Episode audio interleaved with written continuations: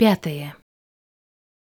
Змрочная непрытульная ноч напаткала ўцекачоў у камяністай зарослай крывулястым сасняком цясніне якая патроху вузеючы адхонна падымалася ў гору. Не так увішна як раней иван лез па замшэлых камянях зрэдку спыняючыся каб пачакаць дзяўчыну што з апошніх сіл упарта плялася за ім Ён думаў што лепей было б вылезці з гэтай змрочнай расселены там недзе наверсе мусіць было раўней і радзейшы быў змрок які тут цёмным туманам пачаў напаўняць правалле. Але хлопец ужо не мог набрацца рашучасці бо сілы яго таксама канчаліся. Зноў жа вельмі хацелася як найдалей адысціся ад горада як найлепей выкарыстаць гэты дажджлівы вечар які так дарэчы выдарыўся ім і надзейна схаваў ад аўчарак іх дзве пары слядоў. І ён патроху ўсё далей вышэй прабіраўся ў горы бо толькі там у альпах быў які ніякі паратунак унізе ж скрозь на дарогах у далінах іх чакала пагібель праклятыя горы Ён быў удзячны ім за іх недаступнасць для нямецкіх ахоўнікаў з сабакамі матацыкламі і заставамі але ён пачаў ужо і ненавідзець іх за тое што яны так бязлітасна адбіралі сілы і маглі ўшчэнт замардаваць чалавека. Гэта зусім не тое, што ў час яго папярэдніх уцёкаў з сілезіі. Як там зручна было ўначы тупаць пароўнядзі, па палях і па сенажацях. Зоркі ў светлаватым небе паказвалі шлях на радзіму. Пракрадваючыся ў нямецкія вёскі і фальваркі бауэраў, Яны здабывалі што кольвічы з ежы, гародніну і малако з бетонаў, нарыхтаваных лявеснічак для ранішняе адпраўкі ў горад. Увесь доўгі, надзева пакутны ад бяздзейнасці дзень яны па чарзе вартуючы сябе, сядзелі зашыўшыся дзе-небудзь у збажыне або хмызняку, Праўда, небяспекі хапала і там, Цэлы месяц прабіралася невялічкая група іх абадраных, няголеных, страшных да мяжы роднай зямлі. Невядома, як іншым, а яму дужа не пашанцавала тады. Вырваўшыся ад немцаў, ён трапіў у руки яшчэ горшых вылюдкаў, з выгляду зусім сваіх. Калі яго везлі ў горад, дык не верылася нават, што яны не жартуюць. Такія гэты былі звычайныя вясковыя хлопцы. Без злосці ляніва лаяліся на зразумелай мове былі апранутыя ў простыя сялянскія кашулі і пінжакі і апроч драбавікоў не мелі іншае зброі толькі ў таго што быў з белай павязкай на рукаве вісеў на плячы карабін такім жа карабінам быў узброены іхны начальнік грыць і цяпер вось горы лахтальскія альпы. Невядомы загадкавы, ніколі не бачаны край. І ў ім маленькая трудная надзея вырвацца на волю, дайсці да сваіх. Іван дужа стаміўся. І ў такі час, калі і пачаў ужо прыглядацца, дзе б адпачыць, ззаду штось глуха стукнулася, па абрыве пасыпалася каменне, Ён азірнуўся. Дзяўчына, абапершыся на руки, ляжала на адхоне і, здавалася, не спрабавала падняцца. Тады і ён спыніўся, разагнуўся, перавёў дых, пачакаў. У расселені цямнела. І зверху амаль што нячуйны сыпаўся дробненькі, як пыл дожджык імжака каменне навокал ужо ледзьве шарэла бязладнымі касмылямі чарнелі ў гары хваіны абцяжараная змрокам і непагадзю нізка асела неба мокрая вопратка нагрэтая пры хадзе злёгку парыла і ўзмакрэлую спіну варта было спыніцца скаланалі дрыжыкі Ён бачыў воддаль у змроку цёмны паніклы сілуэт сваёй спадарожніцы, ледзьве прыкметныя рухі яе галавы і нерухомыя голыя да локця ў руки. Яна не ўставала. Тады ён, пераадольваючы неахвоту, сышоў уніз, сунуў за пазуху браўнінг і нагнуўшыся за падпахі асцярожна прыпадняў яе лёгенькае тонкае цела. Яна заварушылася пад яго рукамі, села не падымаючы галавы, і ён, пастаяўшы, з самотай падумаў, што прыйдзецца відаць на тым скончыць першы свой пераход і заначаваць у гэтым распадку. Ён нагледзеўся навокал. З аднаго боку крута ўгору падымалася нагрувашчанне скал ды камення. З другога схіл губляўся між змрочныя масы сасняку ўнізе, адтуль поўс і поўс у гору змрочны сыры туман. Ужо не згледзець было, якая там глыбіня. Толькі недзе далёка ў шызай парнай цішыні булькатаў ручай. Іван крануў яе за плячо, даючы тым знак пачакаць, а сам адышоўся далей, зноў паўзіраўся ў змрок, У адным месцы скала ў гары трохі навісала над камяністым адхонам, утвараючы схованку. Схованка, вядома, была не дужа самавітая. Зацішку мелася ў ёй небагата, але здарожанаму чалавеку абы якое ўкрыццё над галавой. Асцярожна ступаючы па вострых камянях, ён вярнуўся назад да дзяўчыны. Дзіва, куды падзелася яе нядаўняя жвавасць, яе гарэзліва неразумная смеласць перад матацыклістамі. Яна выглядала цяпер змораную мокраю птушкай, недарычным лёсам закінутай у гэтае каменне. Цяжка дыхаючы яна не рэагавала на дотык ягонай рукі, не ўстала на ногі, а яшчэ болей сцялася ў маленькі упарты камячок, і дрыжала.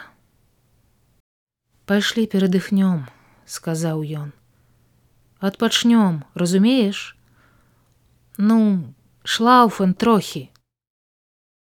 На момант яна сцішылася, стрымала свае дрыжыкі, аднак не ўстала і не адказала, а ўсё сядзела нізка звесіўшы голаў.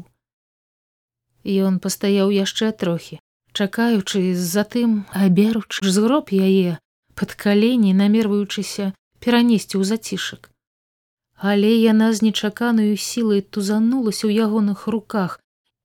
Нешта па-італьянску ўскрыкнула, трапыхнула нагамі і ён выпусціў яе. Пастаяўшы трохі ў збянтэжанасці, ён са злосцю падумаў: ну і чорт з табой, сядзі тут, правярэда такая. А сам адышоўся пад скалу адкінуў з-пад ног вастрэйшыя камяні і сеў, адразу страціўшы ўсе сілы. Толькі цяпер ён адчуў, як аслабеў. Ужо з заплюшчанымі вачыма нацягнуў вышэй на патыліцу каўнер курткі і заснуў. Свет імгненна перастаў для яго існаваць, заступіўшы месца бязладнай жудасці сноў.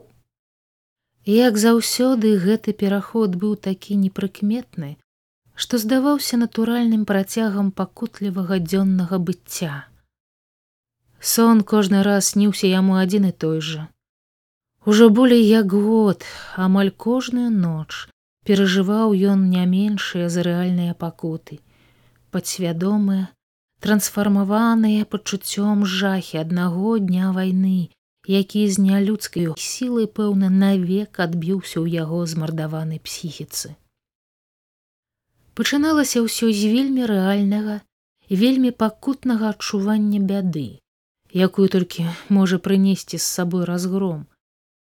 І хоць даўно мінулася, прыцямнела ў рэальнай свядомасці заступленыя другімі вялікімі і малымі бедамі тая агромністая бяда, але ў сне мусіць, памножаная на безліч пазнейшых, яна з неаслабнаю сілай катавала яго пачуцці.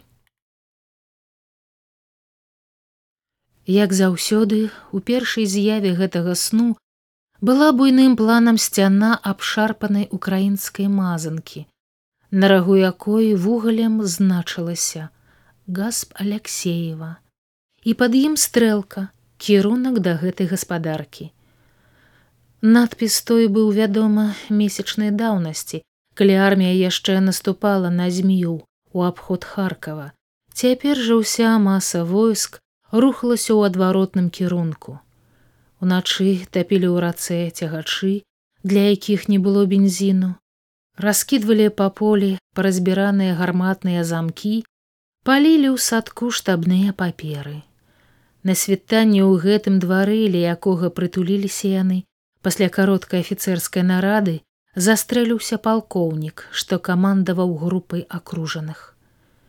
Іхняй роце загадалі прыкрыць адход і трое байцоў з панылым лейтэнантам ля крайняй гэтай хаціны выкапалі ў ранку вузенькі акоп ровік. Гэта з таго, што было і запомнілася на ўсё жыццё. Але цяпер у пакутным чадзе сну палкоўнік той жыў, кідаўся па двары з планшетам у руках і лаяў галадая, які з чарнаморскага марака стаў камандзірам роты аўтаматчыкаў. Яшчэ невядома, чаму з ім сяржантам цярэшкам у раўку сядзіць не абдурухманаў баец з іхняй разбітай батарэі, што амаль ніводнага слова не разумеў па-руску, а флюк пункт срэбнікаў.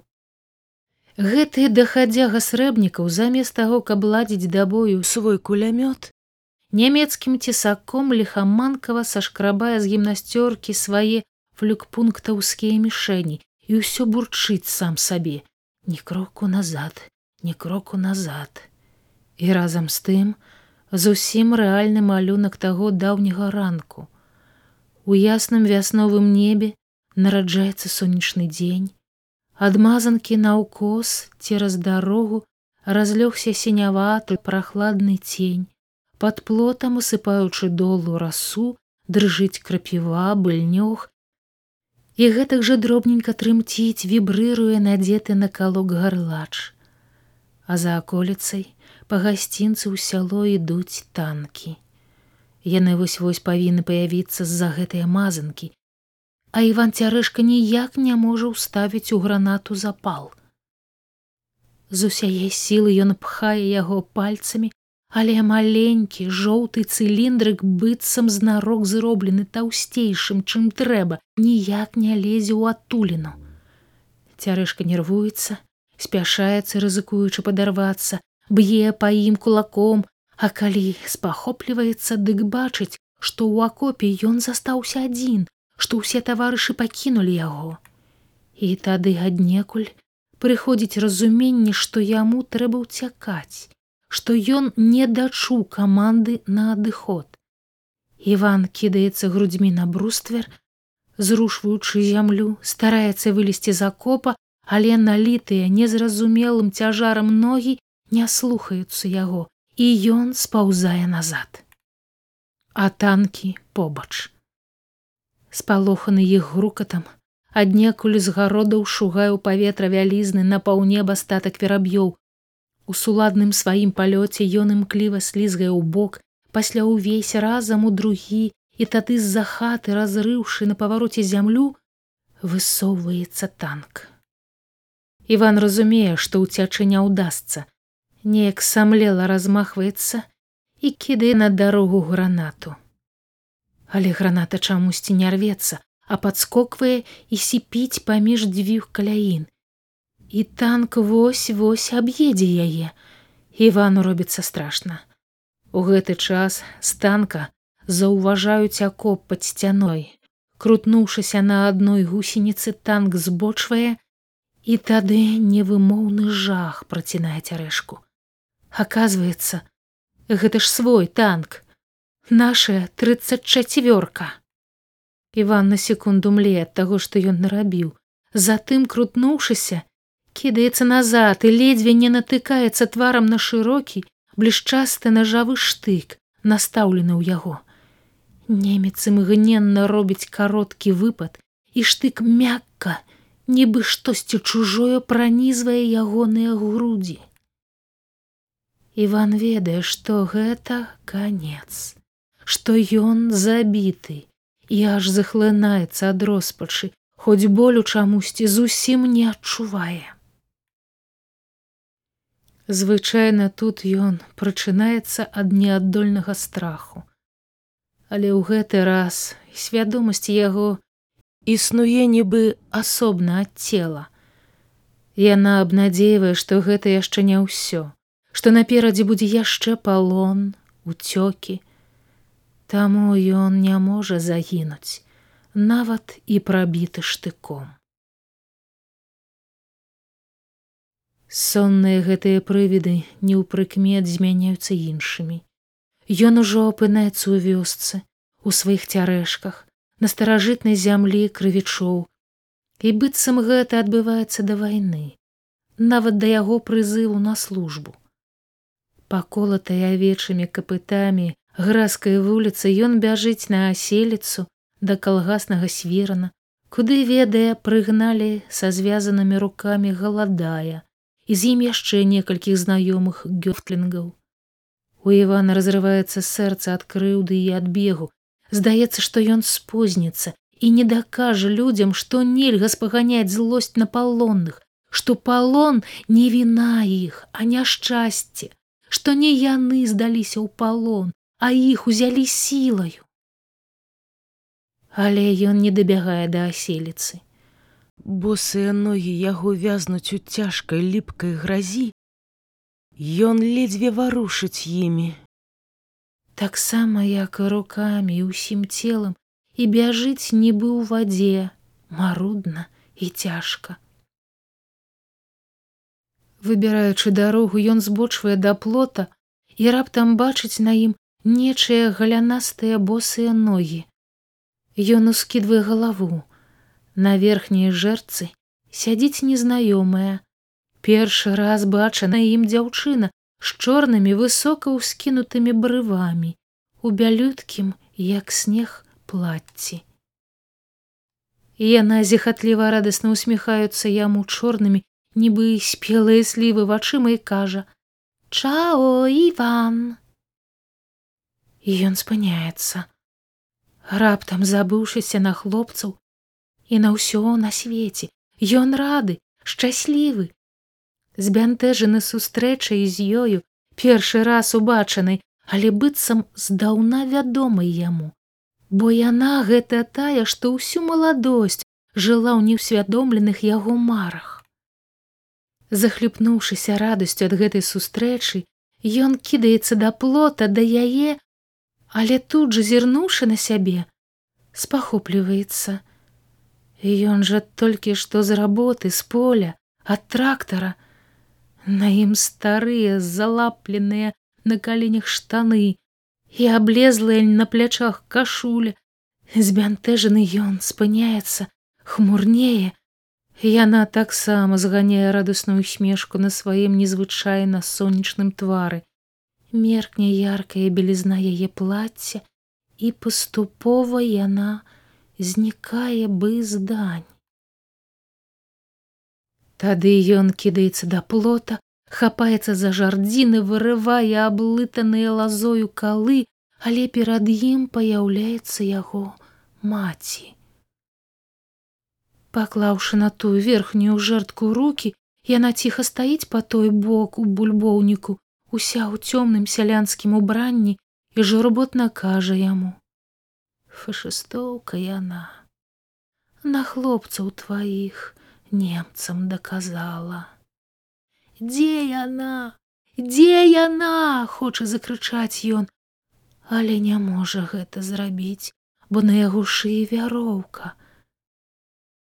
Чорны шаўковы шнурок, на якім заўжды пад барабанны бой вешалі ў лагеры. Яна заціскаецца, нацягваецца, і другі канец яе, як почапка, валачэцца за недадушанай ему раўку аўчаркай. Аўчарка жывая і дужая, яна моцна тузае, Ён падае, хоча закрычаць, але голасу яго прападае, і тады ад нейкага ўнутранага штуршка ён прачынаецца.